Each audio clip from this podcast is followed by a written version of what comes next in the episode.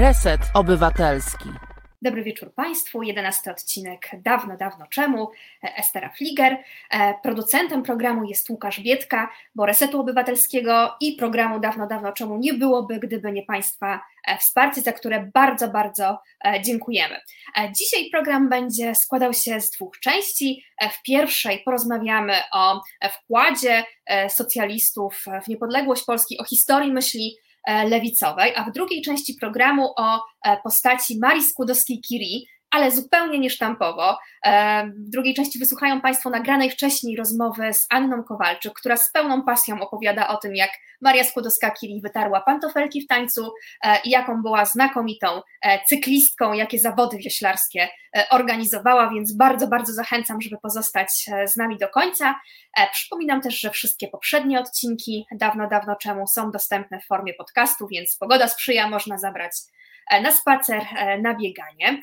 E, I drodzy Państwo, zanim zaproszę naszego pierwszego gościa, to krótko go przedstawię i powiem też o książkach, o których dzisiaj będziemy rozmawiać. Za momencik połączymy się z profesorem Andrzejem Friszkę, badaczem dziejów najnowszej Polski, II Rzeczpospolitej i PRL, życia politycznego na emigracji oraz historii Polski, historii politycznej E, po 1944 roku e, pracownika Instytutu Studiów Politycznych Polskiej Akademii e, Nauk i porozmawiamy wokół książki pana profesora Państwo czy rewolucja, polscy komuniści, a odbudowanie państwa polskiego 1892-1920, którą wydała krytyka polityczna. Książka znalazła się w finale konkursu tygodnika polityki, E, tygodnik Polityka, jak Państwo to wiedzą, organizuje e, co roku konkurs na e, historyczną książkę roku i to wydawnictwo jest w finale.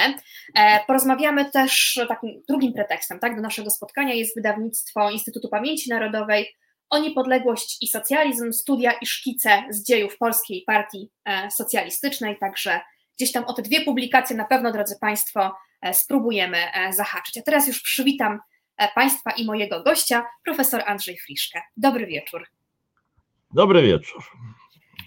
I zaczęłabym, panie profesorze, e, od e, takiego pytania osadzonego mocno w kontekście bieżącym. Od kilku tygodni obserwujemy bardzo ostry spór na polskiej scenie politycznej i po decyzji lewicy o zagłosowaniu z Prawem i Sprawiedliwością w, za Krajowym Planem Odbudowy, no znowu wróciło, wrócił ten trend, który jest obecny nie tylko na prawicy, ale również wśród środowisk liberalnych, używania słowa socjalista e, i pojęcia socjalizm jako obelgi. Panie profesorze, czy socjalista to obelga? Nie, no oczywiście, to nie jest obelga. To jest słowo, które opisuje pewną ideologię i pewien system wartości, który, y, y, no, który się wyprowadza z najogólniej mówiąc, z idei równości. Z idei równości. Związane to jest oczywiście ze społeczeństwem formującym się od XIX wieku, e, z silną klasą robotniczą, z miastami. E, wcześniej to pojęcie raczej byłoby trudne do zastosowania. E, I chodzi o dążenie do takiego systemu społecznego, E, w którym ta idea równości jest realizowana w maksymalnie możliwym stopniu. I koniec. Dalej są podziały. Dalej to już by trzeba, że tak powiem, mówić o rozmaitych nurtach e, ruchu socjalistycznego, bo oczywiście e, były nurty bardzo drastycznie akcentujące tą ideę równości, aż do całkowitego zniesienia wszelkich nierówności, nawet z pomocą siły, brutalności, likwidacji prawda, wrogich klas y, i tak dalej.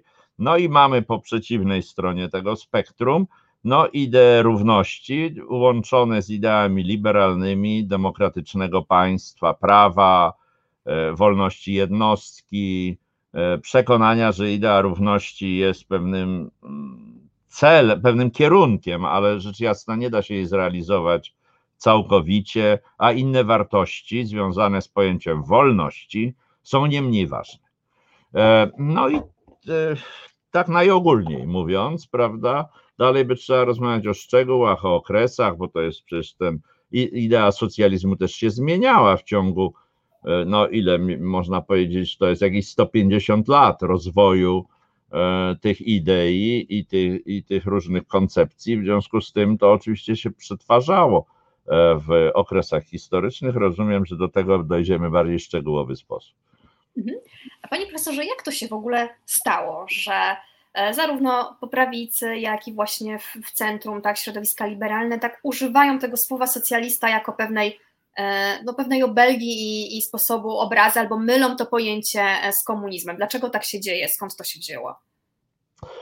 No, to jest. Hmm znaczy, zestawianie komunizmu z socjalizmem jako taka jedność, no, ma swoją głęboką historię, sięga aż do powiedzmy okresu, e, kiedy pojawił się komunizm, pojawiła się rewolucja bolszewicka i wtedy prawica nieraz, nie mówię, że to było zawsze, ale nieraz mówiła, o tak, ci socjaliści to są, to jest taka kiereńszczyzna to są tacy, którzy, że tak powiem, e, wprowadzą taki niby to umiarkowane reformy, a za chwilę oni się zawalą, stracą swoje możliwości, wszystko to się zradykalizuje i skończy komunizmem.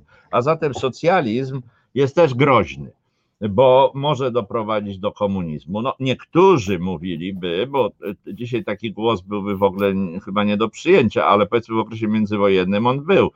No, e, socjalizm nawet umiarkowany jest złem, bo E, chodzi o to, żeby ludzie pracowali, im więcej i ciężej, tym lepiej, bo pracują na, prawda, bogactwo społeczne, społeczeństwa w ogóle i dawanie praw robotnikom, dawanie ograniczeń rozmaitych dotyczących wykorzystania ludzkiej pracy jest złem, bo zwalnia postęp gospodarczy.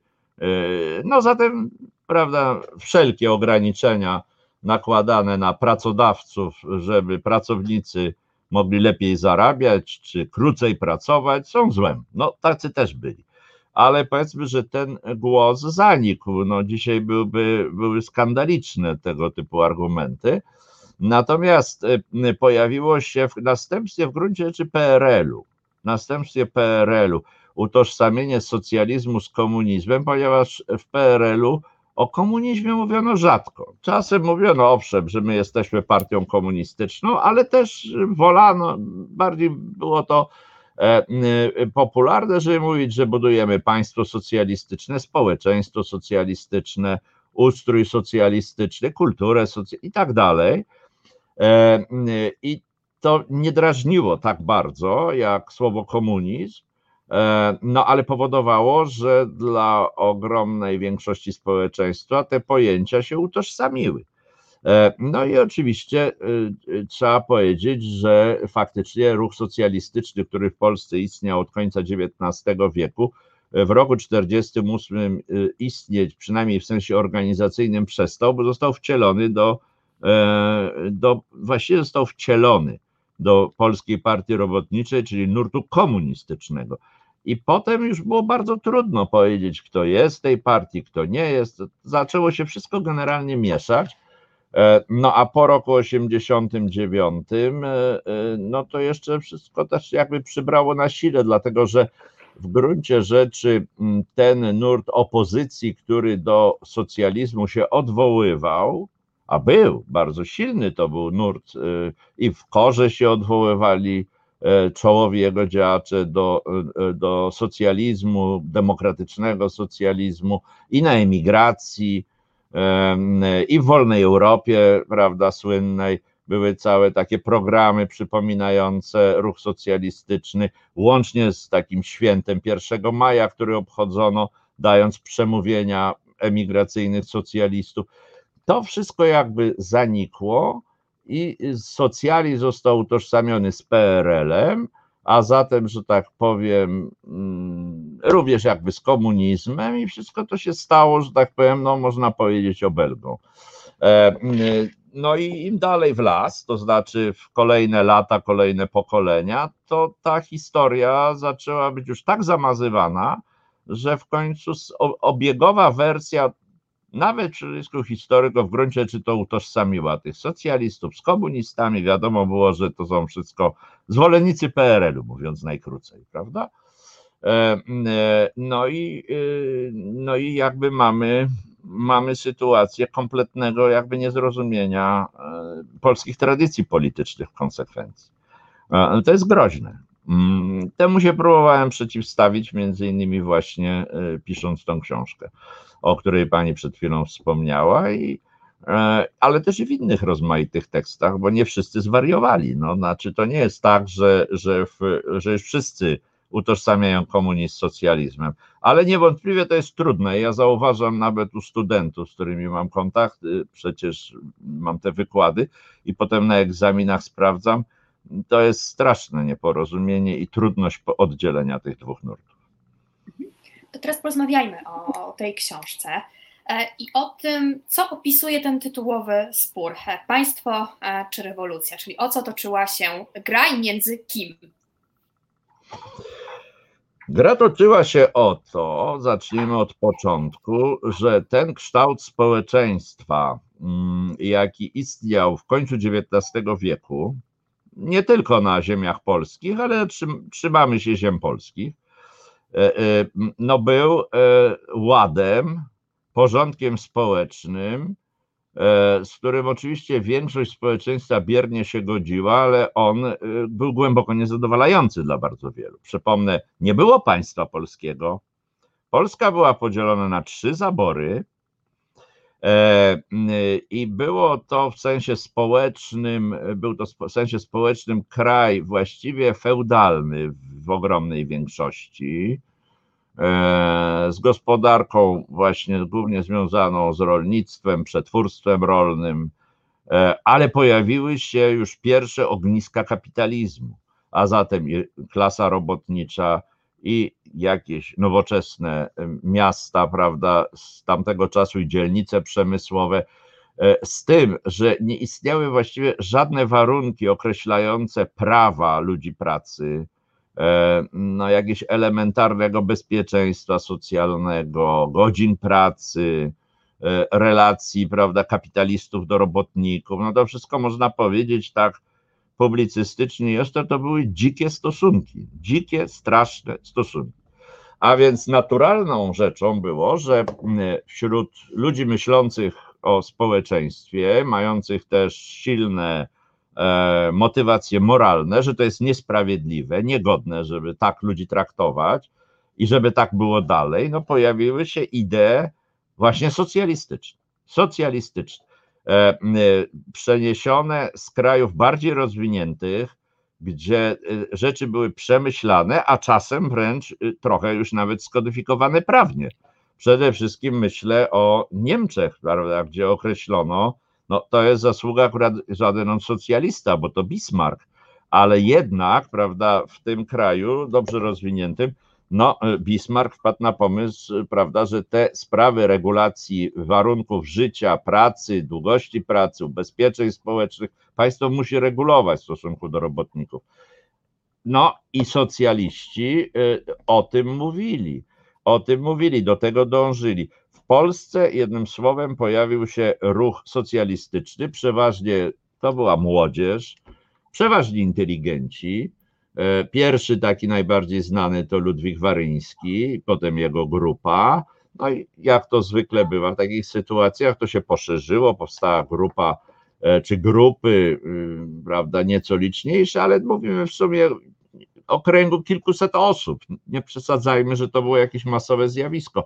Niemniej to było znaczące w tamtym, na tamtym polu, właściwie, gdzie nie było żadnego życia społecznego, y, no intelektualne było oczywiście, ale politycznych pomysłów tak wiele nie było. To taka grupa to już coś znaczyła. Szczególnie, że była aktywna i trwale działająca. I ona rzuciła idee socjalistyczne, czyli potrzeby dążenia do społeczeństwa równości, E, e, obalenia kapitalizmu, tak jak on wtedy istniał, i przebudowy stosunków społecznych takich, żeby ludzie otrzymali prawa i stali się obywatelami, stali się podmiotem dalszego rozwoju społecznego. No nie wiadomo, że nie tylko, nie tylko robotnicy, w gruncie rzeczy to było adresowane do całego społeczeństwa, ale dla socjalistów zawsze robotnicy byli tą grupą, która niosła przemiany. To oni mogli dokonać zmian. To jest znamienne, zwracam uwagę i trochę nas to łączy z Solidarnością, prawda? e, że to jest to myślenie, że ta grupa społeczna, która może dokonywać wielkich zmian, ma tą siłę skoncentrowana, prawda, w wielkich fabrykach, jak oni staną albo wyjdą na ulicę, no to się coś dzieje, to tego nie można zlekceważyć. To było charakterystyczne dla ruchu socjalistycznego od początku, że robotnicy wniosą zmiany. No i teraz właśnie ja w książce opisuję właściwie dwa nurty. Jeden nurt to, było, mm, to był y, niepodległościowy socjalizm, czyli że y, jest potrzebny przewrót społeczny, jest potrzebna, potrzebne obalenie tego kapitalizmu, który mamy, ale to musi być sprzężone z odbudowaniem państwa polskiego, bo e, Polska tym się różni od na przykład Francji, Niemiec i tak dalej, że w Polsce nie ma praw, Polacy nie mają prawa być suwerenni na swoim terytorium. No muszą, że tak powiem, odzyskać wolność, muszą odzyskać niepodległość. Dopiero jak odzyskają niepodległość, to równocześnie robotnicy odzyskają swoje prawa. E, to był jeden nurt. To jest właśnie Polska Partia Socjalistyczna. I drugi nurt, e, e, związany ze socjaldemokracją Królestwa Polskiego i Litwy oraz Różą Luksemburg, który mówił, to są wszystko pojęcia minionej epoki, jakieś państwa, jakieś, że tak powiem, odbudowanie kraju, który od 100 lat nie istnieje, to jest wszystko mrzonka. Jedynie jest potrzebna rewolucja, rewolucja ponad granicami narodowymi, rewolucja, która obali E, kapitalizm i umożliwi przejście do nowego ustroju równości, a Polska jest już sprzężona z Rosją tak bardzo, że mówienie o jakiejś separacji jest bez sensu. E, to będzie część rewolucji, która obejmie państwo e, carów, a pewnie i także państwa inne, prawda? Ogólna rewolucja, która zmieni wszystko. Nie tylko granice nie będą się liczyć, ale i i rozmaite inne, że tak powiem, rzeczy przestaną mieć znaczenie. Będzie nowy jakby świat. I to byli, e, no to byli rewolucjoniści, z których potem wyrosną również komuniści, jakich będziemy nazywać e, w gruncie rzeczy od czasu rewolucji październikowej. Panie profesorze, dlaczego ten spór wygrali socjaliści? No, ten spór wygrali socjaliści jakby na paru poziomach. Po pierwsze, e, w sensie takim jakby plebiscytarnym, to znaczy, e, co, która ideologia, która partia była popularniejsza. No, oczywiście socjalistyczna była dużo bardziej popularna od, e, od SDKPL, zwłaszcza w środowisku polskich robotników, bo SDKPL gromadziła też robotników żydowskich, robotników niemieckich. Natomiast w tej polskiej grupie, no, przez patriotyzm po prostu, znaczy odniesienie do polskich tradycji, do polskiego, polskiego powstania styczniowego, no nie było takie bardzo odległe, to było więcej 30 lat wcześniej.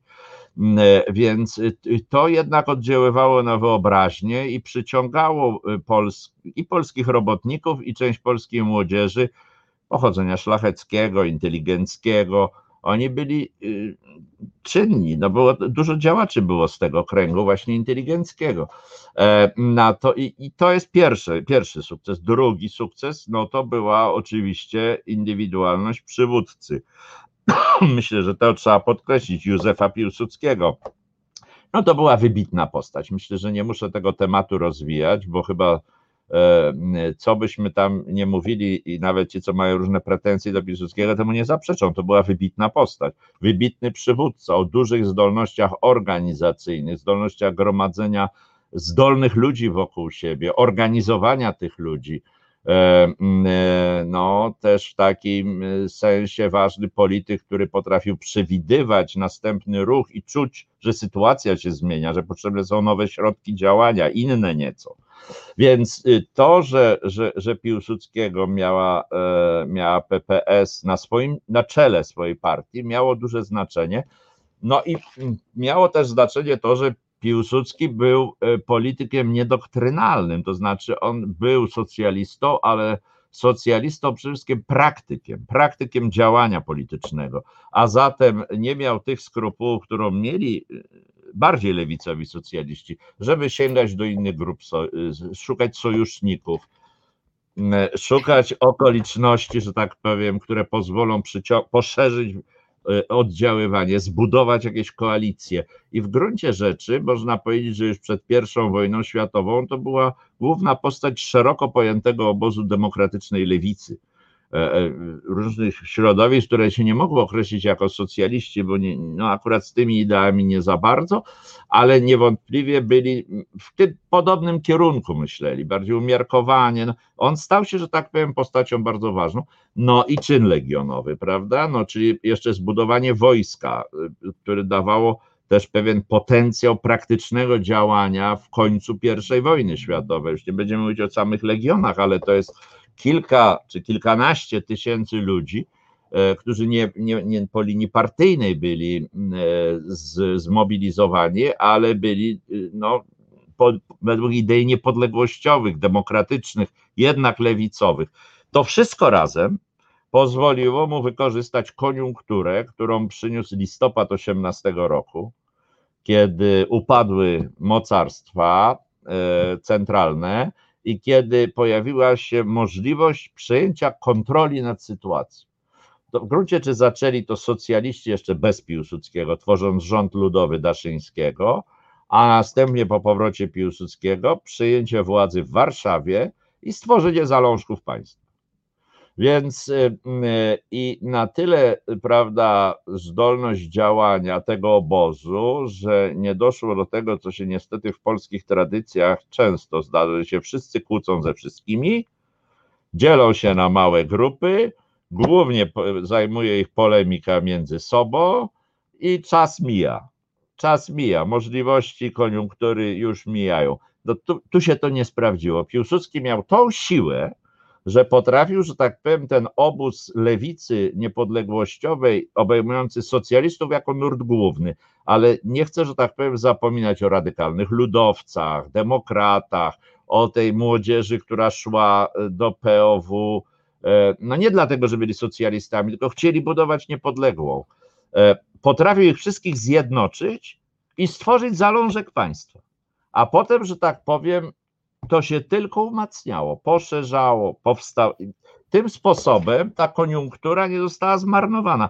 Moim zdaniem, ja to opisuję w tej książce, ta koniunktura mm, trwała mniej więcej, moim zdaniem, do lutego. Jeżeli by się państwo polskie nie zdołało zorganizować między 11 listopada a powiedzmy lutym 19 roku, to jest mniej więcej jednym słowem trzy miesiące, to moim zdaniem byśmy przegrali, nie byłoby państwa polskiego.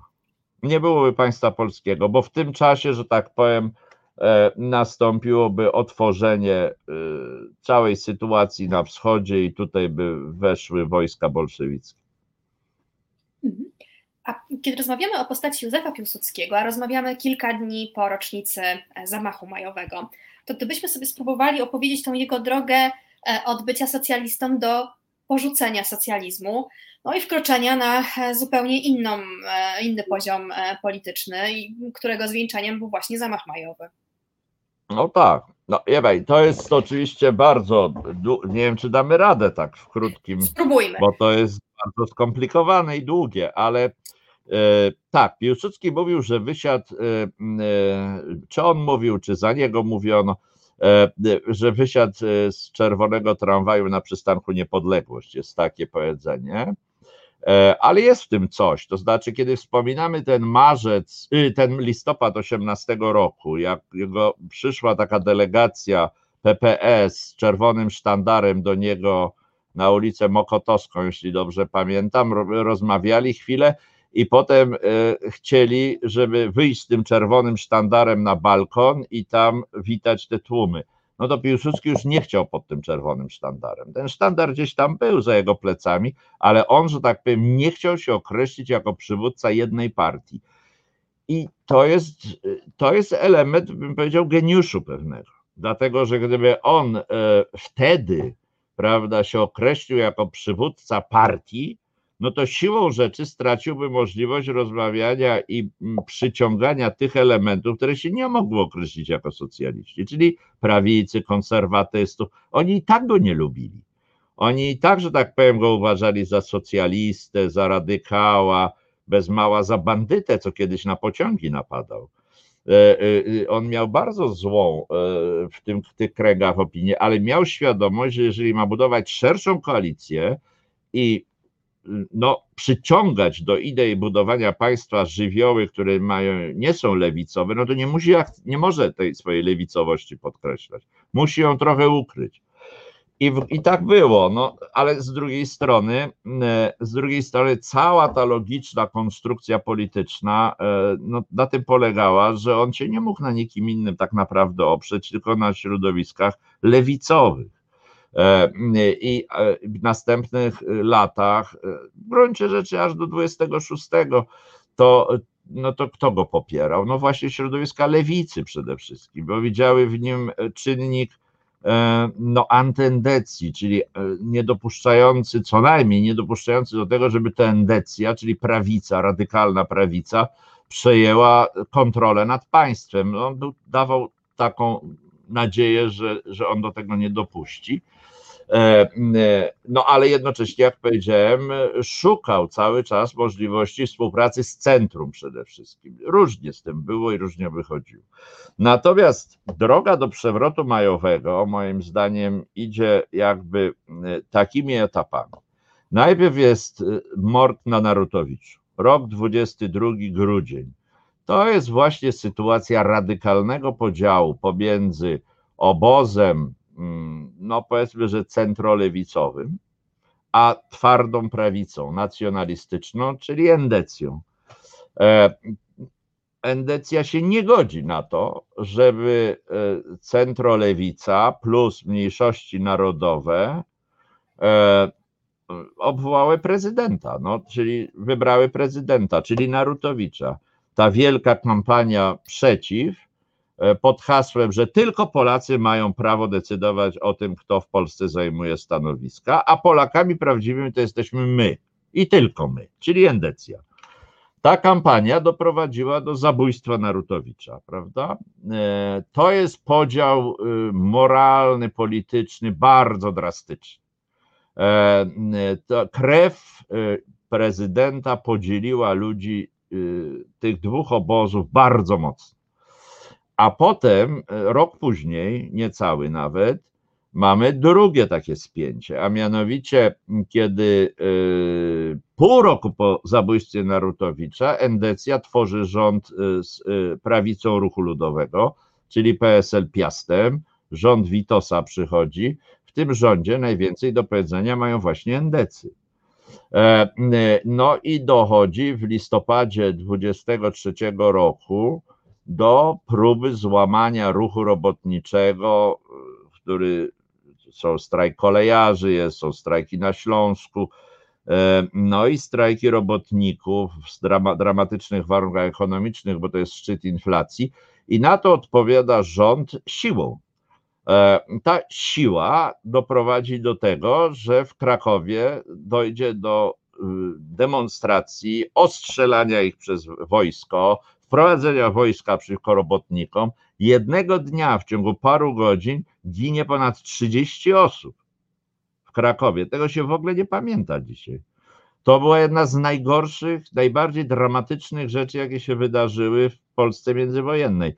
Ta masakra krakowska e, z 4 listopada e, roku 23.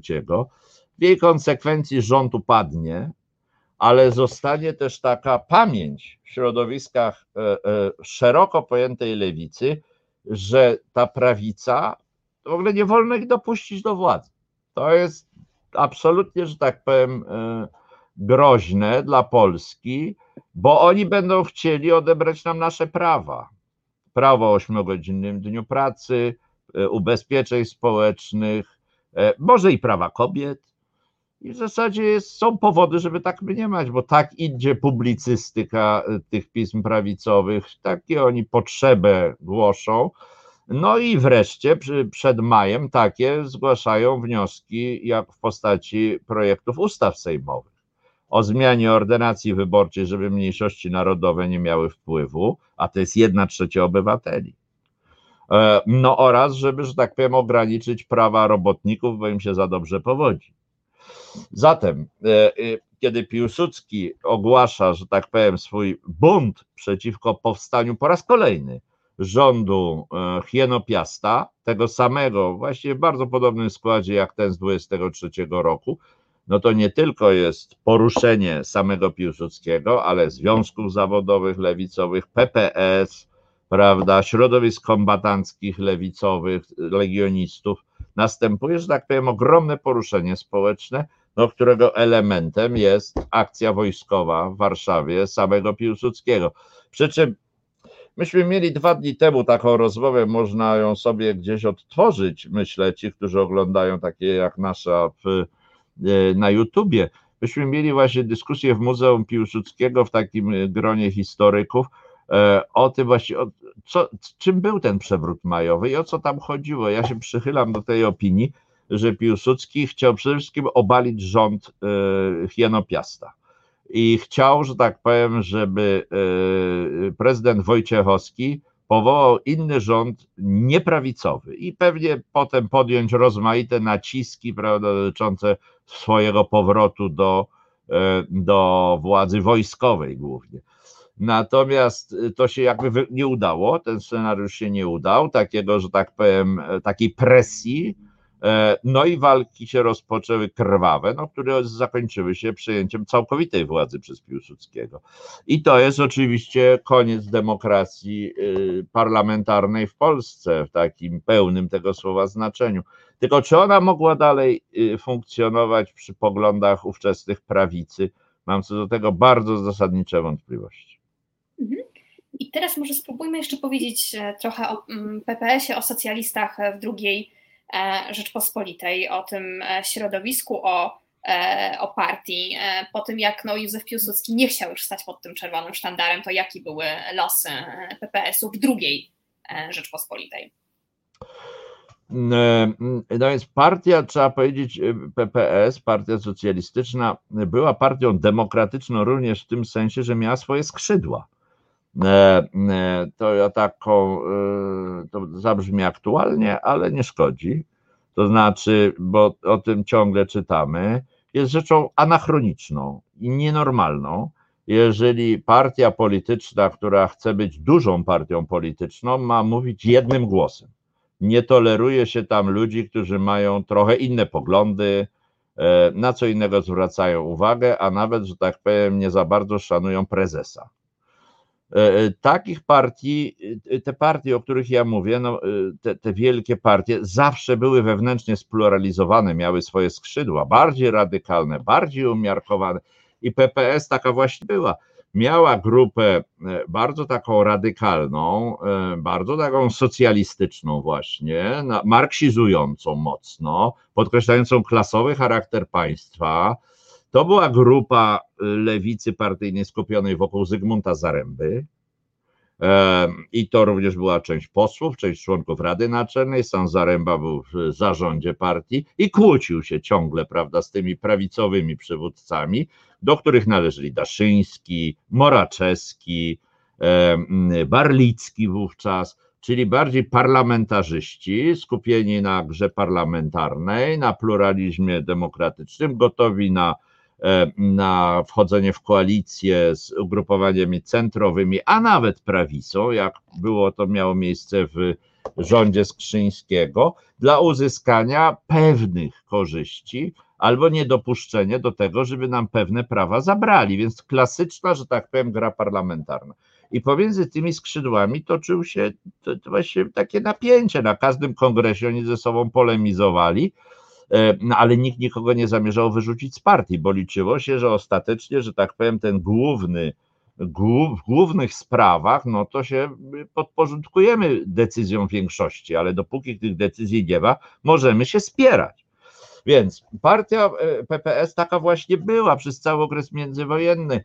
I skoro, żebyśmy tak nie, nie skoncentrowali się tylko na tym okresie przedmajowym, no przecież mamy w latach 30. Kazimierza Pużaka, słynnego, prawda, który był jednak postacią tak zwana prawica ruchu socjalistycznego, co nie znaczy, że on się zamierzał z prawicą prawdziwą jednać, broń Boże, ale był człowiekiem, że tak powiem, który partię brał trzymać twardą ręką i nie prowadzić na jakieś manowce, ale był Adam Pruchnik, lewicowy bardzo, był Stanisław Dubois, który nawet z komunistami próbował e, szukać jakichś porozumień. Ta partia była zróżnicowana e, i, że tak powiem, e, i to była jej siła, bo tym sposobem ona gromadziła różne środowiska odwołujące się do socjalizmu, no ale czasami następowały, następował krach i pęknięcie, jacyś ludzie odchodzili.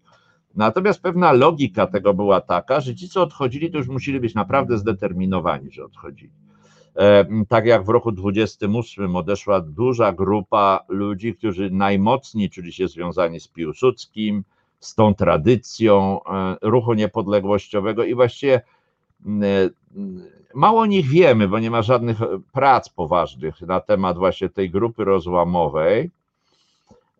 Ale można postawić taką hipotezę, że oni w zasadzie psychologicznie nie byli zdolni do zbuntowania się wobec Piłsudskiego.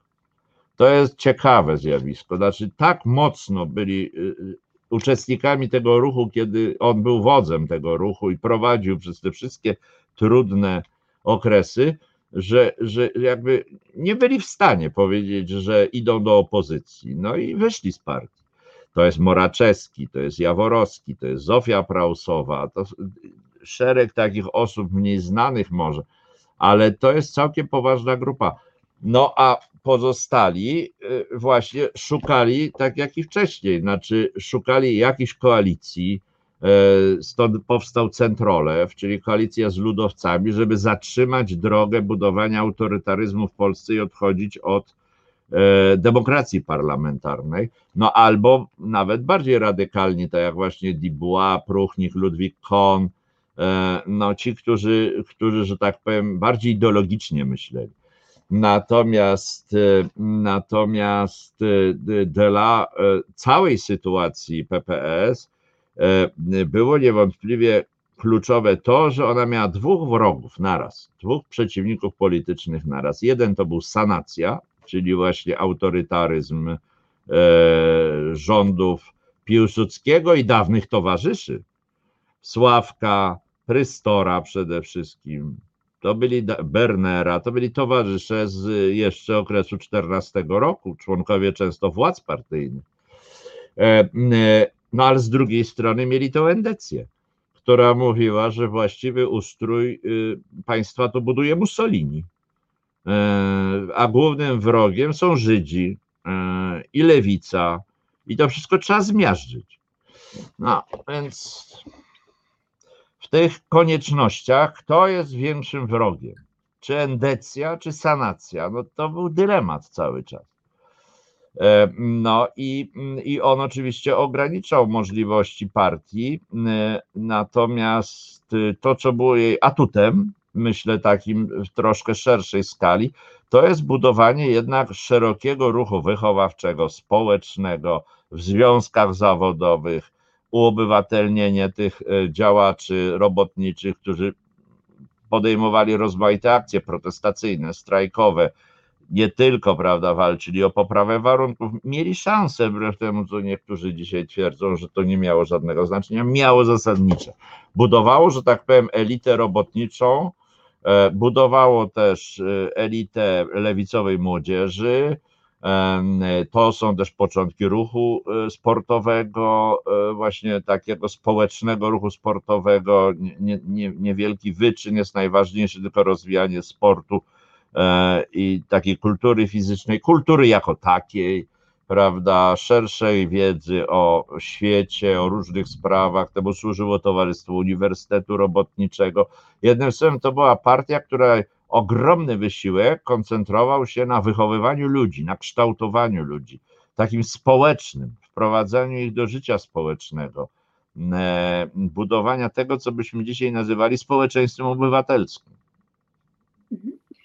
I przychodzi e, druga wojna e, światowa. Panie profesorze, jaki to jest czas dla polskich socjalistów? No tragiczny, jak dla wszystkich. To jest czas tragiczny, jak dla wszystkich. Część tych przywódców, nawet te nazwiska niektóre, które wymieniałem, zostanie wymordowanych i Dibuła zabity, i Barlicki zabity, i Czapiński zabity. To jest całe grono, e, Niedziałkowski przecież, nie wspomniałem go, to czołowa postać przedwojennej, jest w Palmirach zamordowany. Niemcy zamordowali wielu przywódców partii. E, zarazem ta partia działała w konspiracji od początku, od września 1939 roku, budowała strukturę konspiracyjną, na jej czele stał Purzak i wspominany tutaj Zaręba, właśnie lewica e, partyjna. I oni przez całą wojnę, aż do 1945 roku, byli jednym z filarów polskiego państwa podziemnego. Jedną z tych, z tych mówiło, że to państwo było oparte o tak zwaną grubą czwórkę, czyli grubą w tym sensie, to są najważniejsze stronnictwa.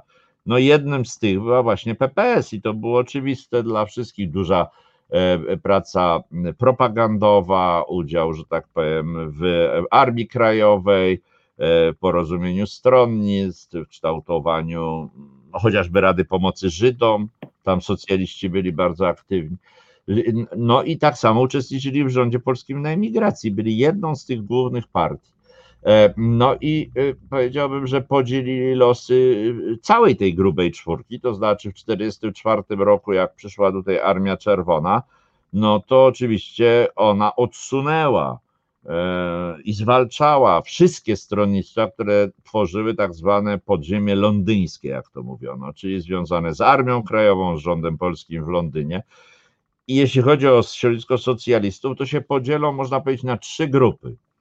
Pierwsza grupa to są ci, co zostali na emigracji albo wyjechali na emigrację y, w 1945-1946 roku i będą kontynuować działalność na emigracji aż do 1991 y, roku, bo wtedy następuje już w III Rzeczpospolitej, prawda, próba połączenia w jedną polską partię socjalistyczną. Na emigracji ona nie będzie jakąś odrębnością. E, no i zgaśnie, bo to jest, wracamy do pierwszego pytania, prawda? Socjalizm nie będzie słowem, e, na którym można zrobić kapitał polityczny po 1989 roku, dostać mandaty wyborcze i tak dalej. Natomiast, e, natomiast jeśli chodzi o tych socjalistów w kraju, no to się tworzą, można powiedzieć, dwie, a nawet też właściwie trzy grupy. Pierwsi to są ci, którzy próbują zalegalizować partię socjalistyczną, no jakby równolegle do Mikołajczyka, czyli uznać Jałtę, uznać, że no przepadło, znaczy jesteśmy pod rosyjską dominacją, ale próbujemy, że tak powiem, odbudować partię suwerenną, taką jak była przed wojną.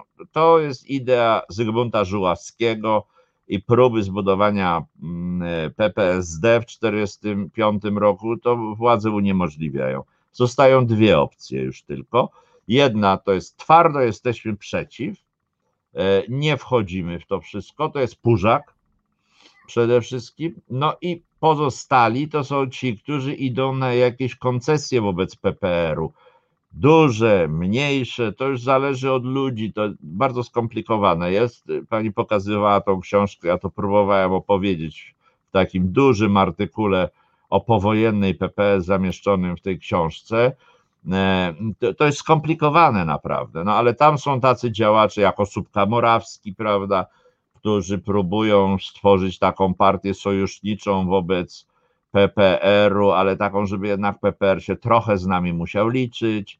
Są tacy, którzy są po prostu całkowicie podporządkowani komunistom, jak Stefan Matuszewski, zrobią wszystko, co im każą. Możemy właściwie mówić o agenturalności. No i są tacy, którzy manewrują. To jest przede wszystkim Cyrankiewicz z osób znanych, który ma piękną przeszłość przedwojenną, okupacyjną, jako jeden z najważniejszych osób w konspiracji krakowskiej.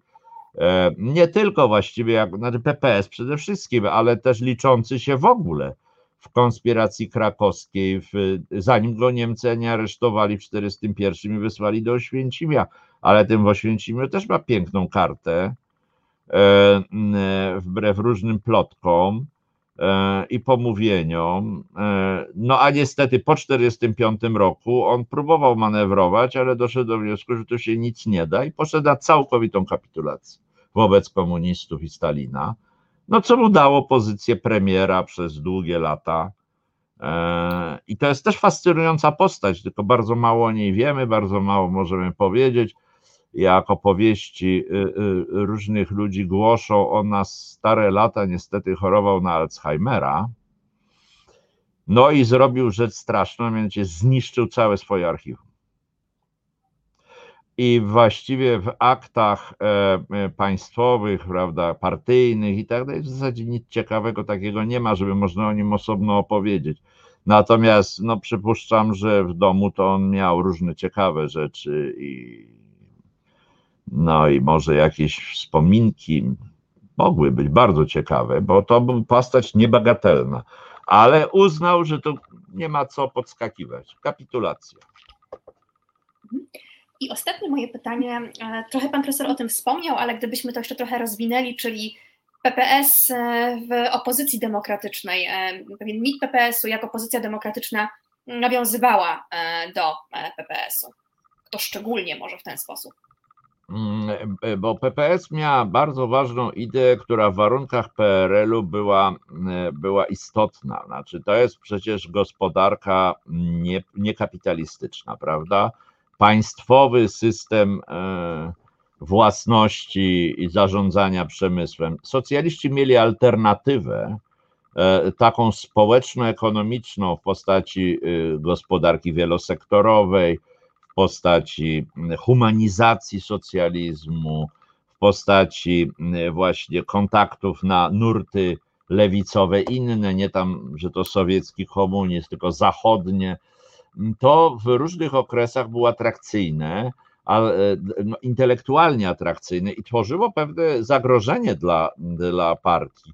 Przypomnę taki epizod, że w 1956 roku po przyjściu Gomułki do władzy były takie próby obudzenia partii i tam nawet niektórzy z tych powojennych, tam nie tam, że przedwojenne jakieś ważne, ale na przykład Osóbka Morawski próbował się zgłosić do Sejmu, żeby go wybrali. Wszystko to zostało twardo ucięte bo to dla, że tak powiem, komunistów mogło być groźne, że się PZPR rozwali z powrotem na te, na te dwa nurty.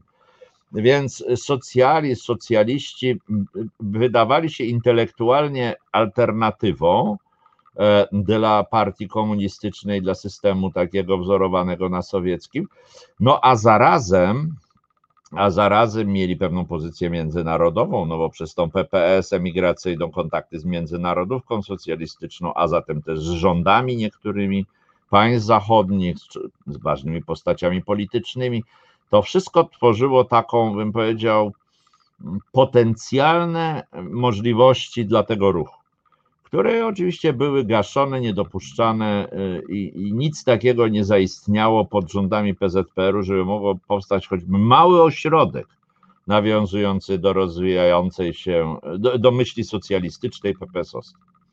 E, natomiast ci ludzie, którzy żyli jeszcze, prawda, z doświadczeniami przedwojennymi, oni się angażowali oczywiście w różne miejsca i jakoś się próbowali realizować no to jest y, ruch oświatowy, to jest y, ruch y, sportowy, e, to, to są takie aktywności społeczne w zasadzie. E, natomiast niektórzy próbowali rzeczywiście tworzyć pewne zalążki działania. No, na początku to może opozycyjnego jest za dużo powiedziane, ale na przykład w obronie praworządności. I tu myślę o Steinsbergowej, myślę o adwokacie Stopnickim, o Ludwiku Konie e, e, e, i innych, którzy, że tak powiem, mieli te korzenie przedwojenne, byli prawnikami, występowali w procesach politycznych, nie bali się, że tak powiem, bronić w procesach politycznych. I to była malutka, ale ważna grupa, i w gruncie rzeczy można powiedzieć, że to jest ta grupa, która będzie jednym z czynników, które stworzy KOR, Komitet Obrony Robotników, bo e, właśnie i Steinsbergowa, i Ludwik Kohn, i Antoni Pajdak, to jest zastępca delegata rządu na kraj z czasów wojny e, i więzień sowiecki przez 10 lat, oni y, będą współzałożycielami koru. Oczywiście nie sami, ale też dodam do tego profesora Edwarda Lipińskiego, który był działaczem PPS przed wojną. E, prowadził szkolenia w zakresie ekonomii dla działaczy. To jest Adam Szczypiorski, który był, e, który był sekretarzem warszawskiej organizacji w latach dwudziestych. To jest Wacław Zawadzki, który jeszcze był w PPS przed rokiem 18. Więc tych socjalistów w Komitecie Obrony Robotników było dużo, bo ja wymieniłem pięć osób chyba, a przypominam, że Komitet Obrony Robotników, to w tej chwili nie pamiętam, chyba 14 osób go zakładało, więc to jest ponad jedna trzecia. To jest najsilniejsza, że tak powiem, reprezentacja tych starszych państwa z tą tradycją niepodległościową, socjalistyczną, demokratyczną, ale też społeczną bardzo wyraźnie, którzy poprą tych młodych ludzi, e, tych mniej młodych, jak Jacek Kuroń, albo całkiem młodych, prawda, jak wtedy nawet Antoni Macierewicz, czy Piotr Naimski, czy Bogdan Borusewicz, czy y, prawda, Adam Michnik, czy, y, no, czy, czy Wojtek Onyszkiewicz, i te, oni im dadzą parasol jak parasol i będą takimi trochę mentorami, e, e, to możemy sobie w pewnym sensie jakby dopowiedzieć, no bo to niekoniecznie jest do udokumentowania tak wprost, ale no w różnych rozmowach, w różnym, że tak powiem, kształtowaniu, co jest ważniejsze od czego, na co należy zwrócić uwagę, jakie są standardy życia politycznego, no to oni, że tak powiem, wnosili pewien, e, no pewną kulturę taką, bym powiedział, przedwojenną. E, często bardzo odległą od tego, co dzisiaj jest akceptowane. Polityka to nie jest tylko skuteczność. Polityka to są też pewne racje moralne. Nie wolno kłamać, nie wolno oszustwem się posługiwać, bo nawet jak się to doraźnie uda, że kogoś oszukamy i, i, i, zyskamy coś na tym politycznie, to potem się zemści, stracimy wiarygodność. A zatem e, budowanie polityki opozycyjnej jest, musi być, że tak powiem, procesem etycznie czystym. E, nie wolno kłamać, nie wolno, że tak powiem, posługiwać się fałszerstwem, kłamstwem.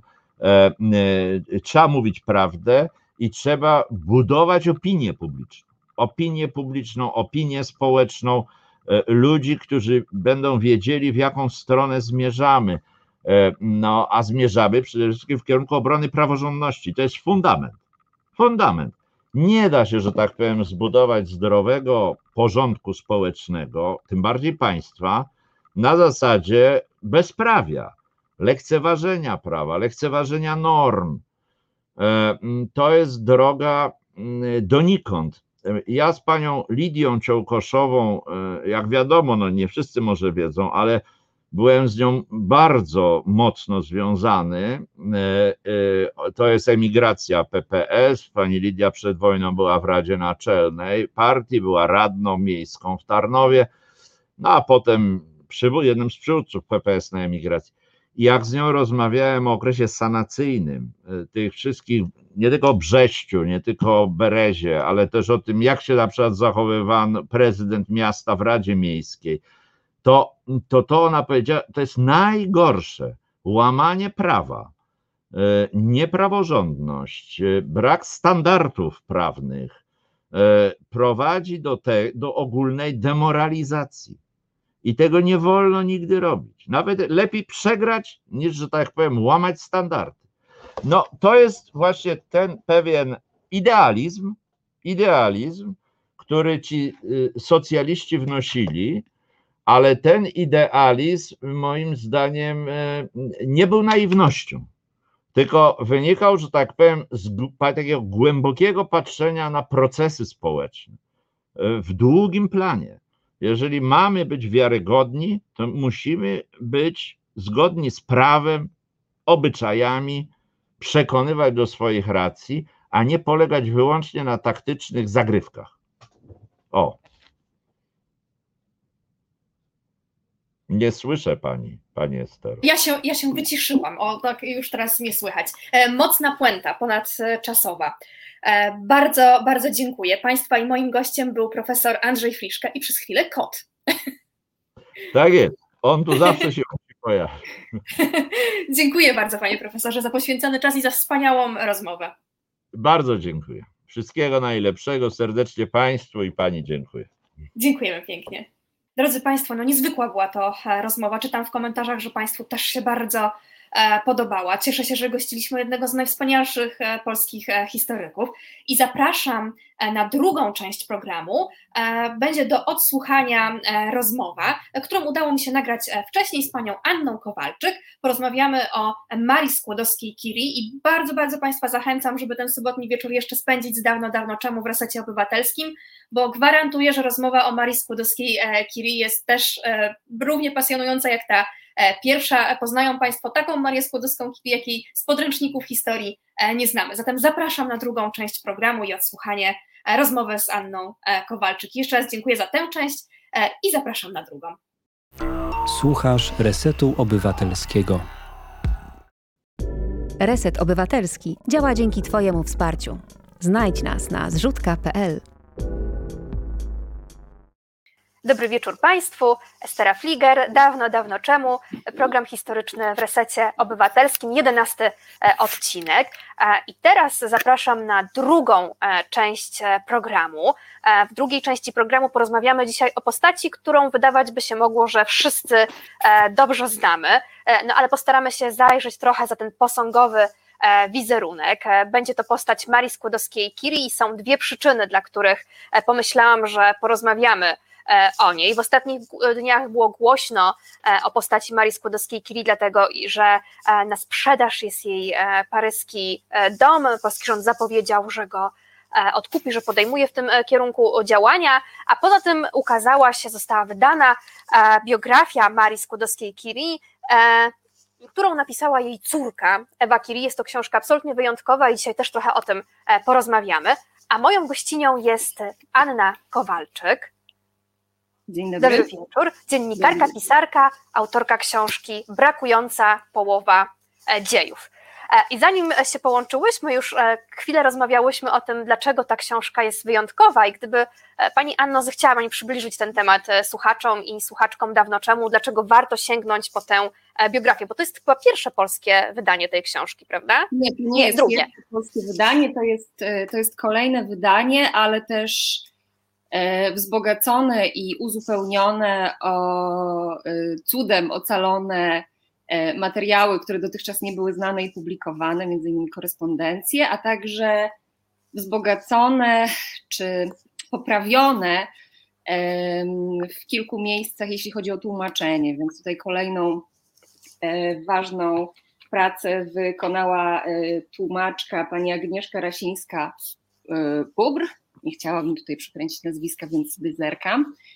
E, więc rzeczywiście to jest pozycja, która wraca i całe szczęście, bo ze znanych mi biografii e, Marii Skłodowskiej ta jest chyba najfajniejsza. Znaczy, sposób, w jaki Ewa Curie pisze o swojej matce, jest naprawdę wyjątkowy. Nie tylko z tego powodu, że ma e, zupełnie E, no, niepowtarzalne, unikalne doświadczenie życia e, ze swoją matką i przyglądania się jej przez wiele lat e, z minimalnego dystansu, no, którego nie, nie mógł doświadczyć, czy nie mogła doświadczyć żadna inna biografka czy biograf, ale też dlatego, że Ewa Curie po prostu świetnie pisze, znaczy pisała. Zresztą była dziennikarką nominowaną do Nagrody Pulitzera, była korespondentką wojenną stąd y, ma niezwykle e, lekkie pióro, dar poczucia humoru, odziedziczony też po matce, myślę, i ojcu, bo z tej korespondencji, którą ona przytacza i też inni biografowie, rysuje się taka postać e, małżeństwa Kiri, nie tylko Marii, ale też Piotra, e, jego osób niezwykle dowcipnych, poza wszystkim, poza swoim geniuszem, legendarną pracowitością i poświęceniem mm, dla dobra nauki i ludzkości. Mm, to duże słowa, ale absolutnie uzasadnione w ich przypadku. To byli też po prostu fantastyczni e, ludzie, e, których e, zapiski są wciąż niezwykle żywe, i błyskotliwe i nie sposób się przy nich nie uśmiechnąć i też nie uśmiechnąć w myślach do tego, jakimi musieli być ludźmi po prostu. Mhm.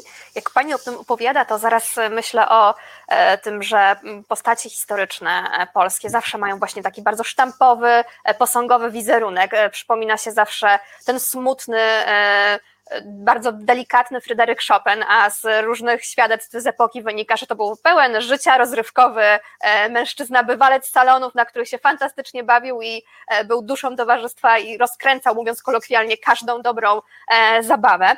I we wstępie tej biografii, o której rozmawiamy, Ewa Kiri zresztą pisze w ten sposób. Maria Curie zawsze cierpiała skrycie nad tym, iż świat chce ją widzieć inną niż ona jest w istocie. A tak była pod tym względem wrażliwa i nieprzejednana, że nie umiała do końca życia przybrać żadnej z owych postaw sztucznych, jakie na ogół wielkim ludziom narzuca ich sława.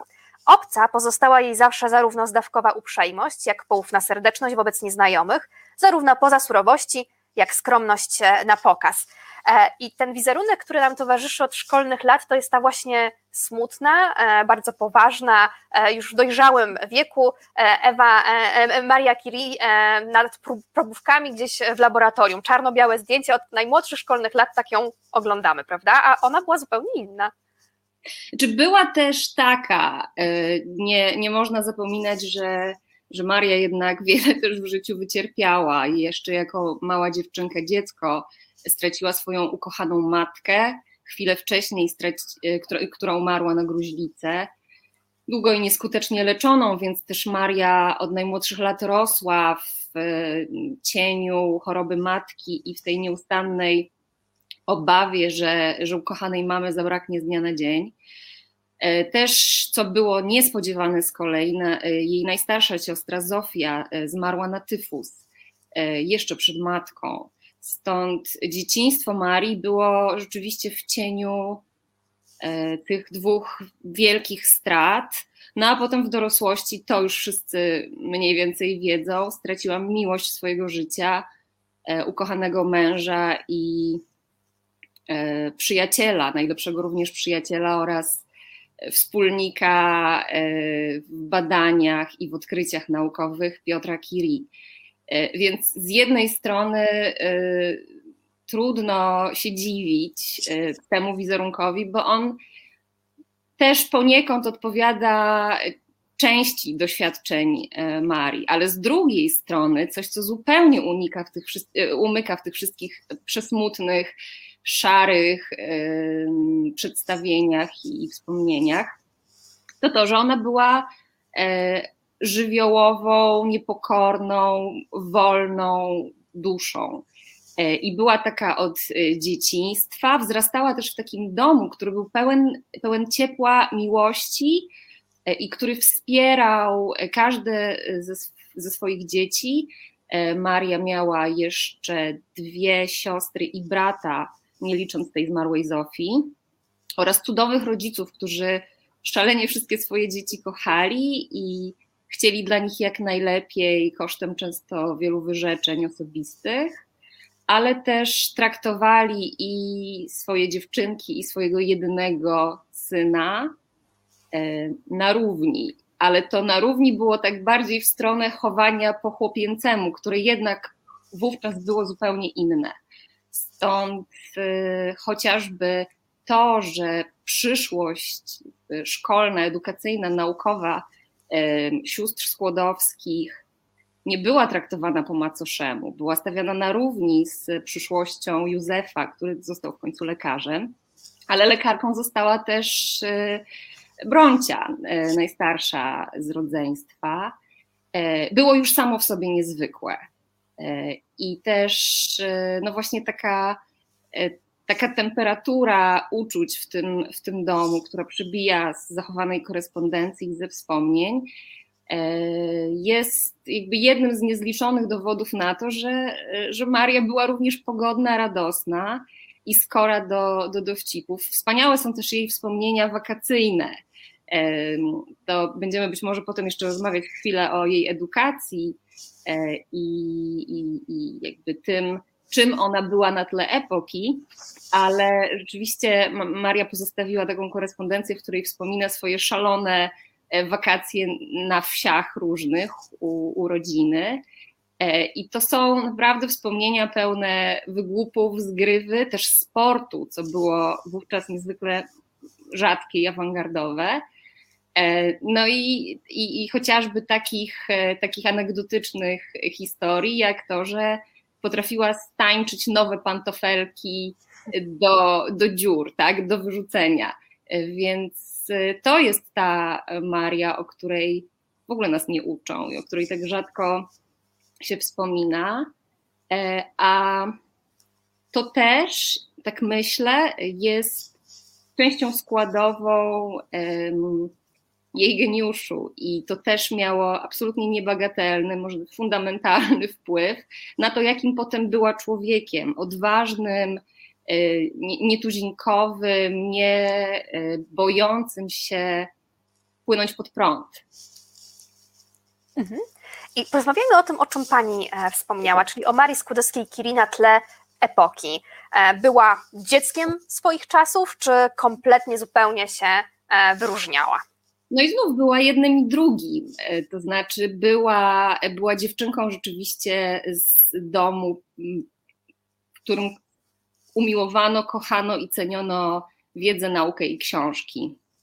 E, jej matka była przełożoną żeńskiej pensji, e, zresztą dobrej bardzo. Ojciec nauczycielem fizyki różnych, na różnych etapach swojego życia, dyrektorem różnych placówek e, edukacyjnych, e, więc też te, ta, ta rola edukacji e, i, i umiłowanie nauki było, było czymś zupełnie naturalnym.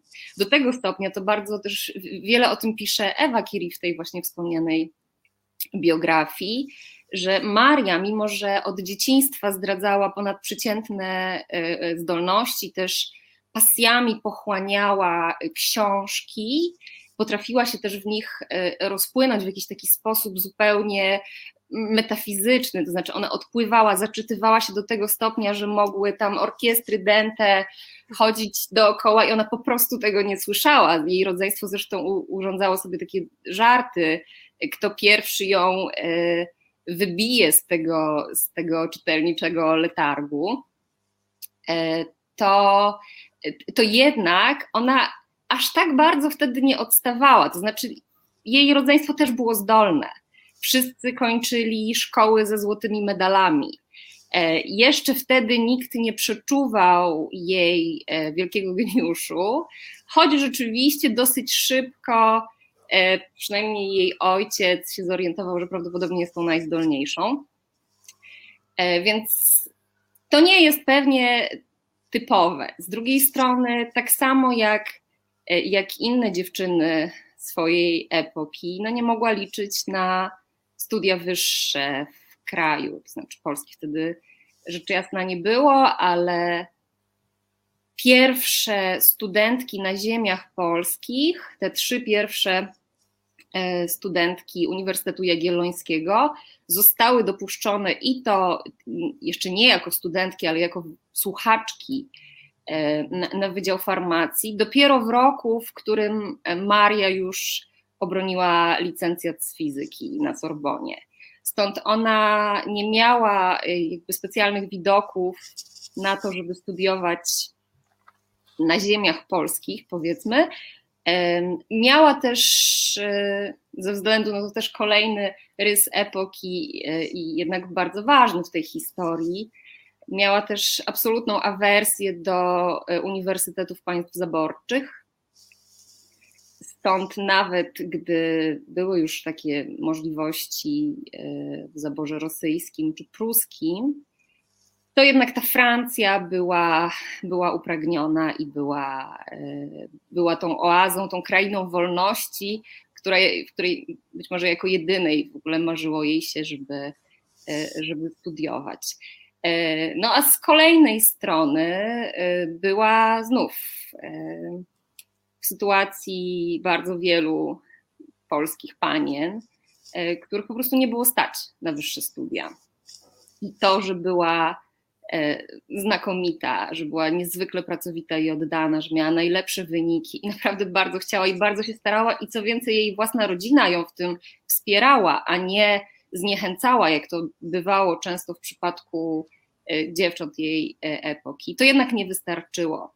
Stąd wraz z siostrą Bronisławą powzięły plan i zawiązały spółkę, jak same mówiły, o której też uważam powinno wiedzieć każde dziecko w Polsce, a z jakiegoś powodu chyba jednak nie wie. Spółka polegała na tym, że Maria pójdzie do pracy, zresztą znienawidzonej przez siebie ciężkiej i niewdzięcznej pracy guwernantki, po to, żeby zarobić na studia starszej siostry w Paryżu. Bronisława chciała studiować medycynę i rzeczywiście studiowała ją i ukończyła. I kiedy już zbliżała się do końca studiów, a szczęśliwie wyszła za mąż, za całkiem e, zamożnego kawalera, to wtedy, zgodnie z umową i zgodnie z obietnicą, miała i zaczęła wspierać finansowo Marię, po to, żeby ona mogła e, przybyć do Paryża i podjąć studia dość już późno, e, jak im się wtedy wydawało.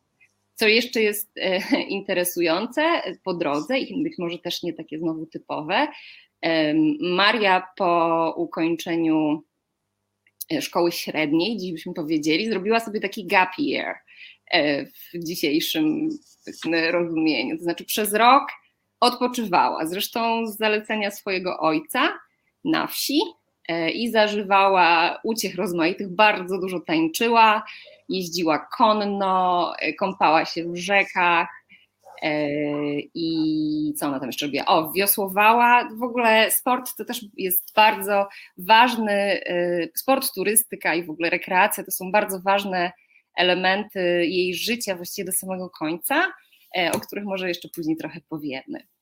Czy była typowa? proszę ocenić. Chyba jednak nie.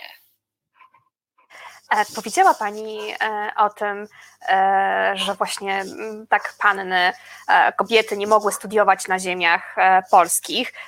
Przypomina mi się niedawno rozmowa, którą zrobiłam z szefową Fundacji imienia Julii Wojkowskiej w Poznaniu, panią Pauliną Kirszkę i ona opowiadała o tym, że kiedy Julia Wojkowska postulowała, aby dziewczęta również uczyły się nauk przyrodniczych, to wywołała nie lada skandal. I gdyby nam Pani zechciała przybliżyć właśnie temat edukacji dziewcząt, e, panien w XIX wieku na ziemiach polskich, czy to wyglądało różnie, zależnie od zaboru, czy mniej więcej e, tak samo, jakie w ogóle szanse miały i e, no właśnie to zobaczymy, jaki sufit przebijała Maria Skłodowska-Curie. Mhm, mhm. Znaczy tak, no z pewnością warto zacząć od tego, że wykształcenie nawet elementarne wciąż było przywilejem. I tak naprawdę, zresztą nie tylko dla, dla dziewcząt, również dla, dla chłopców. E, jeszcze przed, e, pod koniec XIX wieku, a może inaczej. Powszechny obowiązek szkolny to jest 1919 rok, dopiero. To znaczy, to jest dopiero ten moment, w którym rzeczywiście nauka choćby czytania i pisania miała obejmować e, wszystkie dzieci od lat 7 wzwyż, bez względu na płeć. Więc w XIX wieku byliśmy jeszcze, znaczy były dziewczyny zupełnie gdzie indziej.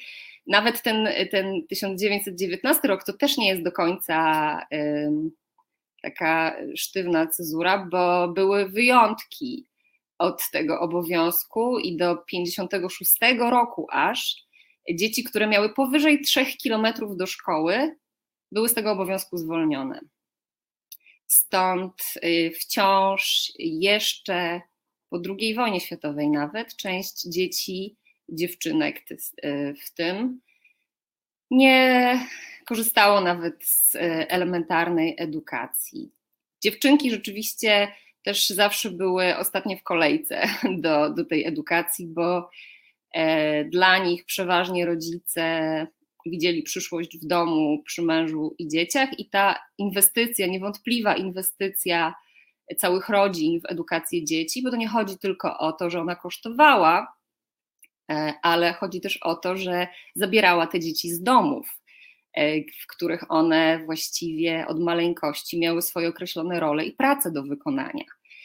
Stąd by im, im dalej, tym, tym wartość w edukacji w oczach coraz większej liczby rodzin rzeczywiście rosła, bo ta edukacja to była szansa na lepszą przyszłość, na przyszłość lepszą niż, niż my, rodzice, mieliśmy, ale w rodzinach, które miały do wykarmienia i ewentualnego wykształcenia wiele dzieci, to zwykle chłopcy byli tymi, e, których posyłano najczęściej do miasta e, po, e, na, na naukę. Więc też to myślę, że jest ważne zastrzeżenie, że mówimy jednak w przypadku środowiska i problemów, powiedzmy, koleżanek Marii Skłodowskiej, mówimy jednak o bardzo elitarnym kręgu e, dziewczyn czy rodzin, które mieszkały w miastach e, i takich, których rodziny rzeczywiście bezwzględnie znały wartość e, edukacji. To zresztą rzeczywiście na ziemiach polskich y, przyspieszyło, to znaczy ten proces doceniania edukacji dziewcząt y, przyspieszył w jakimś sensie w związku z wiatrem historii i z tym, że powstania, nieudane powstania narodowo-wyzwoleńcze, wiele kobiet pozbawiło męskiej opieki, E, mężczyźni, którzy byli zaangażowani w działalność zbrojną bądź konspiracyjną, albo ginęli, albo byli więzieni, albo byli zsyłani e, na Syberię, a e, bezprecedensowa liczba kobiet znalazła się w owym czasie w takiej pozycji, w której musiały zadbać o byt swojej rodziny. To do tej pory zdarzało się znacznie rzadziej. Oczywiście mowa o warstwach wyższych i uprzywilejowanych miejski proletariat czy, czy, czy włościanki zawsze musiały partycypować w zarabianiu na chleb dla rodziny, nawet jeśli to nie były e, prace stricte zarobkowe, za które dostawano pieniądze. Natomiast jeśli chodzi o, o ziemianki e, czy, e, czy mieszczki, to było pewne nowum. I wówczas też dostrzeżono, że ta edukacja, której E, często jednak e, dziewczęta z zamożnych rodzin jakoś doświadczały na, na pensjach żeńskich, czy u swoich guwernantek, czy bon, jest dalece niewystarczająca. To rzeczywiście była edukacja często bardzo nierówna, bardzo też znów e, inaczej motywowana niż ta edukacja powiedzmy formalna czy uniwersytecka, później, a wcześniej gimnazjalna. No, krótko mówiąc, dziewczęta miały umieć zachować się w towarzystwie, dobrze było, żeby mówiły trochę po francusku, grały coś tam na fortepianie, być może rysowały, malowały pejzaże e, oraz umiały się zachować e, w towarzystwie oraz prowadzić zajmujące salonowe rozmowy. To jest właśnie typ edukacji, który na przykład Eliza Orzeszkowa e, bardzo krytykowała w pewnym momencie, bo ona też zresztą postawiona dokładnie w takiej sytuacji e, przez działalność konspiracyjną swojego męża, e, który został zesłany. Ona nie zdecydowała się, co też było awangardowe dość, mu towarzyszyć w tej zsyłce. No i została sama a że była wykształcona niby też na, na, na pensji żeńskiej zresztą, to doznała srogiego rozczarowania, kiedy próbowała znaleźć płatną pracę i po prostu nie przyjęto. E, wtedy też napisała słynną powieść Marta, która jest takim głosem pokolenia ówczesnych kobiet, które dostrzegły bezwartościowość tego y, kobiecego wykształcenia E, bo, bo, Marta, bohaterka powieści orzeszkowej, jest właśnie taką wysadzoną z siodła ziemianką, która nie zna francuskiego na tyle, żeby zostać korepetytorką, nie zna, e, nie gra na tyle dobrze, żeby zostać nauczycielką pianina i właściwie okazuje się, że jedyna płatna praca, jaką, po jaką może sięgnąć, to jest praca prostytutki. A że ma jeszcze na utrzymaniu małą córeczkę, no to w pewnym momencie, i tutaj spoiler, chociaż nie wiem, może ktoś by z Państwa chciał czytać Martę Orzeszkowej, polecam, e, kradnie coś i uciekając przed po, pościgiem, ginie pod kołami tramwaju konnego. I to jest, to jest pewna metafora dla kobiet e, całego pokolenia, tej, tej Marty, której, e, którą pozbawiono szansy na, na samodzielność i na godne życie, co skończyło się dla niej tragicznie. Dlatego e, Orzeszkowa, ale też wiele innych emancypantek postulowały rozszerzenie zakresu żeńskiej edukacji Akurat e, Orzeszkowa, co też ciekawe, niespecjalnie optowała za tą edukacją uniwersytecką. To wydawało jej się jednak bardziej fanaberią bogatych panien, ale już za edukacją zawodową, owszem, tak. Chodziło o to, żeby kobiety były w stanie na siebie zarobić i się utrzymać, ale to bardzo też polska specyfika. Takie były czasy, że nie miały innego wyjścia. To nie do końca jest wynik tego, że tak, że postępowo myśleli nasi e, pozytywiści, zwłaszcza, chociaż akurat oni byli bardzo e, zwolennikami kobiecej edukacji, przeważnie, nie wszyscy, e, ale, ale właśnie tego, że kobiety po prostu były do tego zmuszone. I teraz zapytam o drogę Marii Skłodowskiej-Curie na Sorbonę i samym Paryżu. Czy jak już dostała się E, na Sorbonę, to jej życie było nagle usłane różami, czy tam też musiała się bardzo mocno przebijać i walczyć o swoje? O, tak, musiała, musiała, ale też chciała. To jest kolejny jakby niezwykły rys e, osobowości Marii Skłodowskiej, e, że jakby nie dość było jej obiektywnych trudności, tego, że niespecjalnie ją w ogóle było stać na te studia, E, to ona jeszcze e, sobie trochę dołożyła. Znaczy, może cofnijmy się jeszcze kilka lat wstecz, bo, bo ten czas, w którym ona zarabiała e, na studia swojej siostry, to był też czas, w którym, którego próbowała nie stracić pod kątem edukacyjnym, jeszcze wtedy nie naukowym, ale właśnie takim samokształcenia.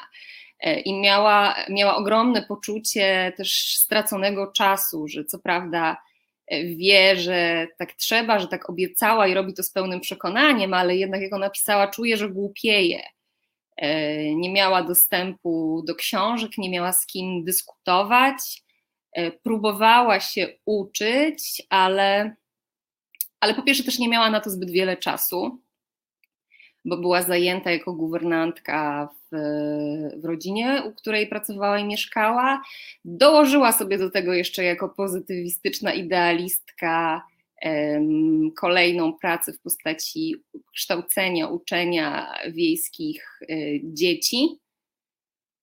I już naprawdę niewiele jej zostawało czasu, ale jednak miała takie poczucie, że jeśli z tej jej dalszej edukacji cokolwiek ma być, to ona nie może przestać się uczyć. Stąd, y, stąd była, była już wtedy ogromnie przepracowana. Natomiast kiedy już mogła, wreszcie mogła y, wyjechać do Paryża, postanowiła nie zmarnować ani sekundy. I póki jeszcze mieszkała e, u swojej siostry, która trochę ją doglądała, dokarmiała i pilnowała, żeby się nie zauczyła na śmierć, to jeszcze było ok, ale potem e, Maria wyprowadziła się. Miała też niezwykłe ciągle poczucie e, obowiązku i nie wiem, czy bycia ciężarem, ale rzeczywiście tak bardzo nie chciała nim być, że wyrobiła w sobie niezwykłą oszczędność, znaczy na, na pograniczu albo wręcz poza granicą skąpstwa. Kończyło się to tym, że ona nie tylko ogromnie ciężko pracowała, e, niemal bez przerwy, ale też nie dojadała, nie dosypiała, e, chodziła e, nieodpowiednio ubrana. Po krótkim czasie, kiedy ją właśnie rodzina spuściła za oka, ona się szalenie wymizerowała, wychudła, więc być może część tych wizerunków, które tak nam zapadają w, w pamięć, to też są te jej studenckie przedstawienia, kiedy ona naprawdę kiepsko wyglądała, bo nie mogła wyglądać dobrze, była po prostu niedożywiona, przemęczona i co znamienne, e, zupełnie tego nie dostrzegająca.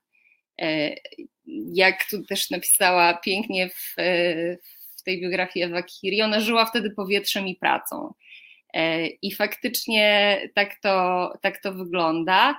Co ciekawe, nawet gdy już będzie zyskiwała uznanie, nawet gdy będzie już żoną i nauczy się wreszcie gotować, bo słynęła z tego, że dopóki nie wyszła za mąż, to nie wiedziała, z czego, z czego się robi rosół. Tak o niej e, żartowano złośliwie, ale był w tym na pewno cień prawdy, bo ona po prostu nie miała szansy się tego nauczyć. E, nie była kształcona na, na, na żonę i, i gospodynię. Nie miała też szansy, tak jak jej starsza siostra Bronisława, zajmować się domem po śmierci matki. Więc rzeczywiście uczyła się tego wszystkiego dopiero jako żona, ale to nic nie zmieniło. Znaczy, znalazła sobie życiowego partnera, który był tak samo niezainteresowany tymi przyziemnymi e, czynnościami i jakby potrzebami, jak jedzenie, spanie czy, czy w ogóle odpoczynek, e, że sobie tak czasem oboje potrafili mm, niemal przymierać głodem i to już wcale nie dlatego, że nie mieli, tylko dlatego, że nie mieli czasu. E, i nie mieli ochoty e, przerywać sobie swoich fascynujących badań po to, żeby na przykład zjeść jakiś obiad.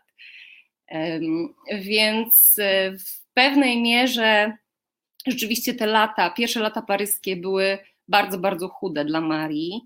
Naprawdę żyła na granicy nędzy, jeśli wierzyć tym wszystkim wspomnieniom i podaniom. Z drugiej strony, tak bardzo, tak mało jej zależało na tym, żeby żeby ten swój, powiedzmy, aprowizacyjny byt choć trochę poprawić, że podejrzewam, że gdyby chciała, to, to, to by się udało, a, a jednak nie to ją wtedy interesowało. Zresztą później też. E, a e, moje takie pytanie też jest o to, e, czy już kiedy osiągnęła pewien poziom, pewną sławę, to czy był refleks jej e, sławy działalności na ziemiach polskich? Czy to docierało w jakiś sposób, nie wiem, wywoływało jakieś zainteresowanie, czy była postacią e, rozpoznawaną ze świata emigracji tutaj na ziemiach e, polskich? Czy to, nie wiem, motywowało w jakiś sposób społeczeństwo? No była, była, oczywiście, że była. Była, była, była legendą, była, była też ciągle bardzo emocjonalnie z Polską związana. To znaczy, w jakimś sensie y, długo sobie wyrzucała y, to, że nie spełniła tej obietnicy danej sobie i ojcu i w ogóle jej rodzinie, że po studiach wróci y, do Warszawy. To się nie stało, bo, bo związała się i uczuciowo, i naukowo z Francją. Nie stało się to też po części z winy z, z, polskiej winy, jeśli można tak powiedzieć. Ona rzeczywiście po licencjacie starała się o asystenturę na Uniwersytecie Jagiellońskim, ale jej wtedy nie przyjęto. To jeszcze nie był ten czas. E, więc wróciła, wróciła do Paryża również dlatego, że Polska jej nie chciała jako badaczki, naukowczyni, e, pracowniczki naukowej na uniwersytecie ale rzeczywiście ona nigdy o Polsce nie zapomniała. Zresztą Instytut Radowy, tak, ufundowany y, przecież y, na jej cześć, jest tego najlepszym, y, najlepszym dowodem. Zresztą potem jej podróż do Ameryki, na którą bardzo niespecjalnie miała ochotę, służyła temu, żeby, żeby zebrać pieniądze na podarowanie właśnie tego drogocennego radu Polskiemu Instytutowi. Stąd rzeczywiście jej związki z Polską do samego końca są niezaprzeczalne. E, no, dość powiedzieć, że e, pierwiastek pierwszy z dwóch odkrytych przez nią i Piotra Pierwiastków radioaktywnych został nazwany na cześć Polski. Więc jeśli ktokolwiek miałby wątpliwości co do tego, czy Maria pozostała Polką czy polską patriotką, no to wystarczy, że sobie przypomni, jak się nazywa ten pierwszy z pierwiastków i że nazywa się Polon. A proszę powiedzieć, e, jako autorka e, brakującej e, połowy dziejów, absolutnie Maria Skłodowska-Curie zasługuje na, na pamięć, na bycie w naszym panteonie. Natomiast czy to jest tak, że mieliśmy tylko Marię Skłodowską-Curie, czyli inaczej? Dlaczego nam brakuje kobiet w podstawie programowej w historii, mówieniu o historii? Zawsze to jest taka męska historia i niewiele jest postaci kobiecych. Dlaczego? E, tak, to piszę drugą książkę już na ten temat oraz wiele książek prze, przede mną i, i równolegle na ten temat się ukazało, bo rzeczywiście ciągle jest o czym mówić i odpowiedź na to pytanie jest dosyć złożona. E, znaczy, odpowiedź na pytanie, czy e, było więcej kobiet, które zasługują na miejsce w polskiej historii, jest zdecydowanie prosta i jednoznaczna. Owszem, było.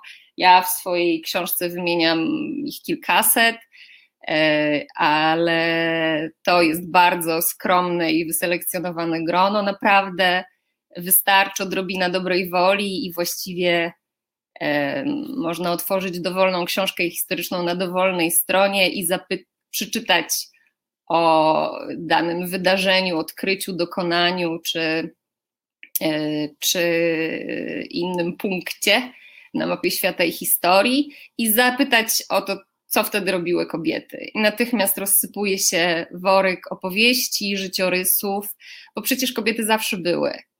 E, więc to, że my o nich wiemy ciągle tak mało i że jeśli chodzi o narracje podręcznikowe, z którymi no, co jak co, ale wszyscy mamy, e, mamy styczność, i, a jest w nich maksymalnie kilka procent kobiecych bohaterek, co akurat jest skrupulatnie policzone, wynika z kilku rzeczy. Po pierwsze, z tego, że uczymy się, uczymy nasze dzieci, jesteśmy uczeni głównie historii politycznej i historii militarnej.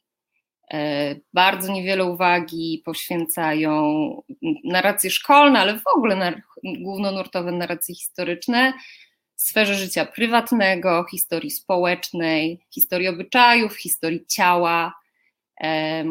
A te tak naprawdę dwie sfery, które zdominowały zarówno podręczniki, jak i wiele innych form upamiętnienia wydarzeń i postaci historycznych, to są sfery, w których rzeczywiście kobiet y, nie było, bo być nie mogło. Jeśli chodzi o, o politykę, zarówno tą dworów królewskich, jak i później gabinetów politycznych, no to trzeba pamiętać, rzeczywiście kobiety oczywiście zawsze tam bywały i były, ale jednak głównie i przeważnie jako żony i córki tych, którzy władzę mieli. E, nie, żeby były zupełnie pozbawione wpływu, bardzo często miały wpływ i to fundamentalny, ale jednak przeważnie, z nielicznymi wyjątkami, e, z tylnego siedzenia.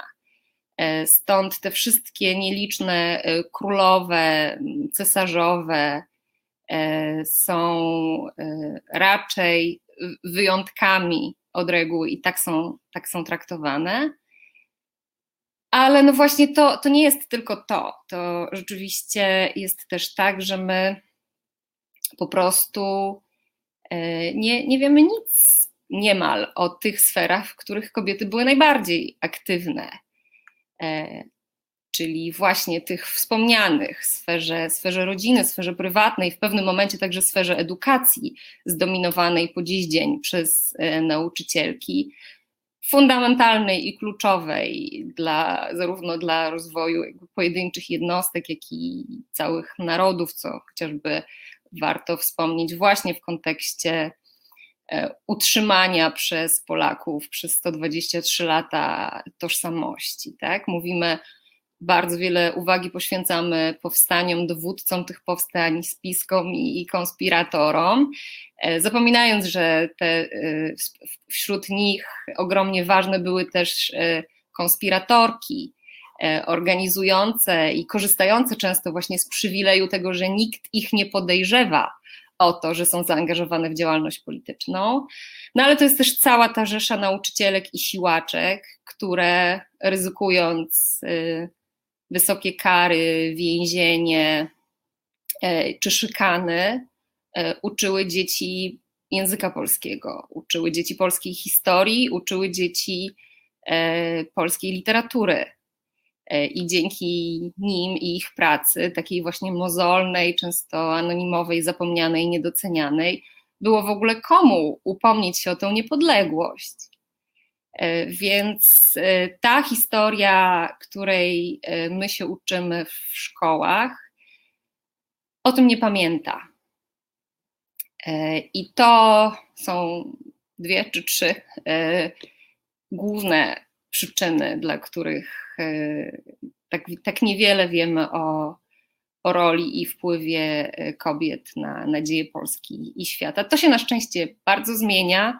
Chyba wszyscy też jesteśmy zmęczeni, zmęczone e, tą jednak bardzo mm, specyficzną wizją dziejów, która jakoby się odbywa wyłącznie w gabinetach politycznych i na polach walk. No jednak świat jest dużo bardziej złożony i zawsze był dużo bardziej złożony, i nagle teraz odkrywamy E, historię życia prywatnego i, e, i książki, które e, opowiadają, jak się żyło ludziom na przestrzeni dziejów, a nie tylko ginęło na polach bitew, są niezwykle chętnie czytane i, i powstają chyba teraz bardziej i częściej niż kiedykolwiek. No i rzeczywiście tam rola kobiet dużo częściej jest dostrzegana, e, bo jednak ten podział na publiczne i prywatne bardzo, e, bardzo wpływał na postrzeganie właśnie w ogóle roli i obecności e, kobiet w dziejach. Więc jak zaczynamy dostrzegać prywatne, albo patrzeć na to publiczne jednak od strony kulis, a nie tylko szczytu świecznika, to oczywiście znajdujemy tam kobiety, znajdujemy fascynujące życiorysy, E, no i też być może właśnie to, co w ogóle najciekawsze. Można też poniekąd, myślę, spojrzeć tak na życiorys naszej dzisiejszej bohaterki, że właśnie ten taki klasyczny, standardowy ogląd jej życia e, jest trochę patrzeniem na nią przez te właśnie tradycyjnie jakby męskie okulary, tak? Wielkim naukowcem, tak, nawet nie naukowczynią, mhm. wielkim badaczem była,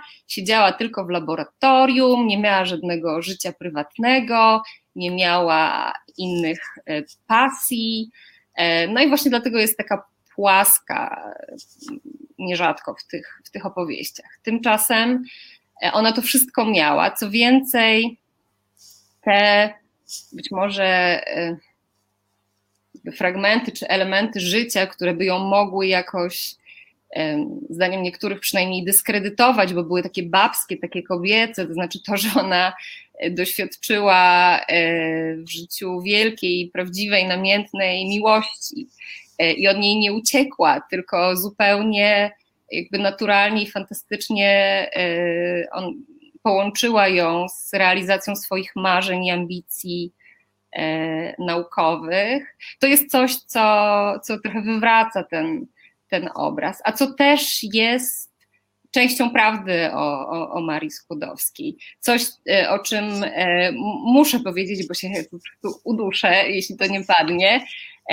a co myślę jest też bardzo ciekawe i co ja sama gdzieś tam niedawno dla siebie odkryłam, no właśnie tą pasję Marii, a potem Marii i Piotra do turystyki i sportu i e, co po niektórzy słyszeli pewnie o tym, e, że oni pojechali w swoją podróż poślubną na rowerach, e, które stanowiły ich prezent ślubny od któregoś tam członka rodziny, ale nie wszyscy wiedzą, że oni na tych rowerach zrobili przez kilka ładnych lat swojego życia setki, jeśli nie tysiące kilometrów po całej Francji. Byli w ogóle pionierami turystyki rowerowej. Historyczka sportu, nasza wspaniała dr Maria Rodkiewicz sprawdziła, że oni prawdopodobnie w swoim czasie byli taką, takim tandemem rowerzystów, cyklistów, którzy pokonali największe dystanse. E, I to wówczas były raczej rekreacyjne e, wyprawy. ale też niezwykle awangardowe. Rower wtedy, a już zwłaszcza kobieta na rowerze, budziły w najlepszym wypadku zdumienie, w najgorszym niesmak, a nawet wręcz fizyczną agresję. Maria też e, była pionierką tak zwanego stroju racjonalnego, no bo jak się chce spędzać wiele godzin e, na rowerach i jeszcze jeździć tym rowerem po bezdrożach, e, to nie można tego za bardzo zrobić w długiej sukni.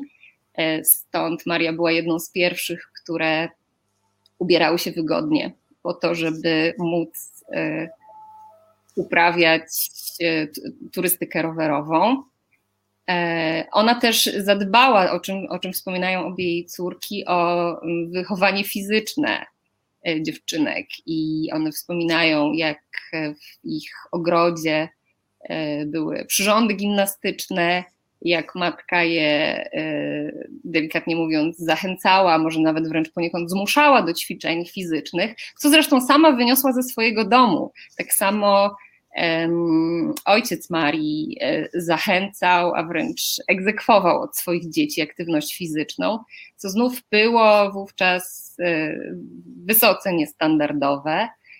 E, no a naj, najciekawszym też, być może trochę zabawnym, ale myślę, że też bardzo uroczym wspomnieniem czy anegdotą z życia Marii, kiedy była już wielką uczoną, są słynne let, letnie wakacje w jednej z rezydencji, w której rzeczywiście za jej sprawą i z jej poduszczenia naj, najtęższe umysły francuskiej nauki e, na letnisku e, w małej, małej wiosce urządzali sobie wyścigi, E, wioślarskie i kilka, w kilkunastu różnych dyscyplinach e, się zmagano, budząc zdumienie, oburzenie okolicy, bo, bo taka forma spędzania czasu, też kąpieli, e, pływania, wygłupów wręcz w wodzie często,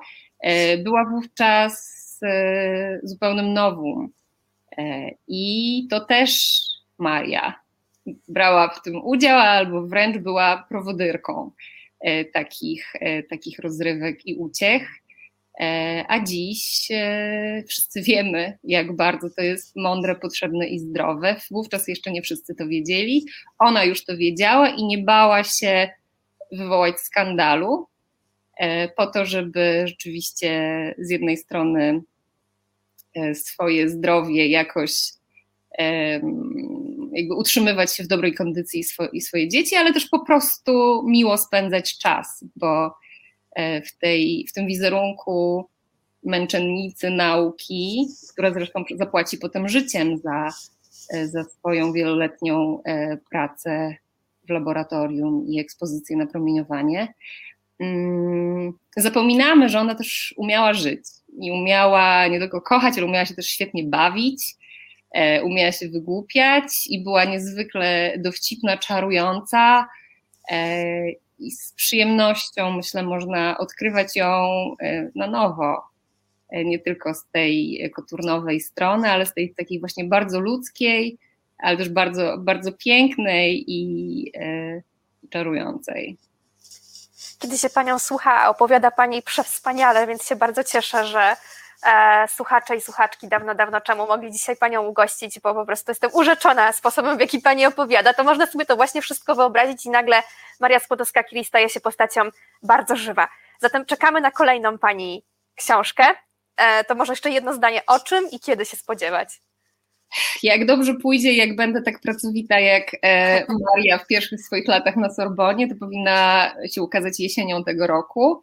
E, i będzie poświęcona właśnie tej jeszcze bardziej brakującej połowie e, historii i dziejów kobiet, e, czyli sferze prywatnej, domowej, cielesnej, związkowej, seksualnej i temu wszystkiemu, czego już naprawdę, naprawdę nie ma w naszych, w naszych podręcznikach.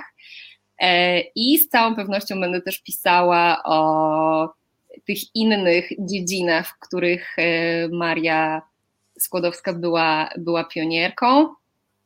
I o różnych wspaniałych postaciach, zresztą siostrzenica Marii też była naszą, jedną z naszych pierwszych taterniczek, to warto, warto o tym wiedzieć i jakby ktoś miał ochotę pochodzić po, po Tatrach czy zwiedzić Zakopane, też śladami rodziny e, Skłodowskich, już nie Kiri, ale Skłodowskich, to, to znajdzie tam wiele tropów e, i, i siostrę, i siostrzenicę Marii, i one znów robiły rzeczy przełomowe i fascynujące, e, więc w jakimś sensie nie tylko Maria, ale cała jej rodzina E, dostarcza wspaniałych e, historii, a e, Ewa Kiri, która napisała tą, tą biografię, będącą przyczynkiem do naszej dzisiejszej, przyczyną naszej dzisiejszej rozmowy, wspominała z przekąsem, że ona jedna nie dostała Nagrody Nobla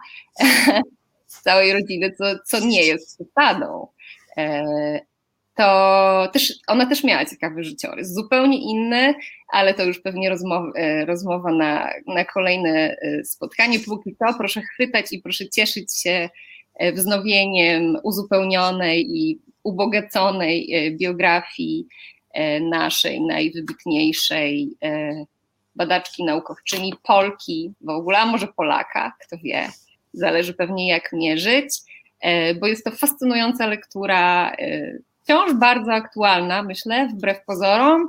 Wiem, że pierwszy nakład tej, tego wznowienia rozszedł się jak świeże bułeczki.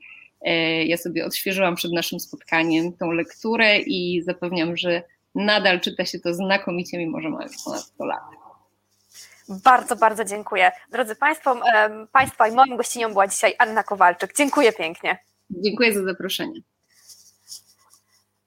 Drodzy Państwo, no to polecamy e, biografię Marii e, Skłodowskiej-Curie, autorstwa jej córki Ewy e, Curie. Zachęcamy do lektury i bardzo dziękuję za dzisiejszy odcinek Dawno, dawno czemu, już 11 spotkanie. Zachęcam do sięgania po podcasty, gdzie na platformach podcastowych są dostępne wszystkie poprzednie odcinki, można zabrać na spacer, do biegania, e, bo zachęcamy do aktywności fizycznej wzorem Marii e, Skłodowskiej-Curie. Także dobrego wieczoru, e, wszystkiego dobrego, dużo zdrowia drodzy Państwo i do zobaczenia za tydzień w dwunastym odcinku Dawno, dawno czemu. Ja już tylko mogę zdradzić, że porozmawiamy w pierwszej części lub drugiej, to, to się jeszcze tutaj układa o kotach. Będzie o kotach, drodzy Państwo, e, w historycznym ujęciu. Także do zobaczenia e, za tydzień. Reset Obywatelski. Podobał Ci się ten program? Reset to medium obywatelskie, którego jedynymi sponsorami jesteście Wy, odbiorczynie i odbiorcy. Wesprzyj nas na zrzutka.pl i pomóż budować niezależne medium.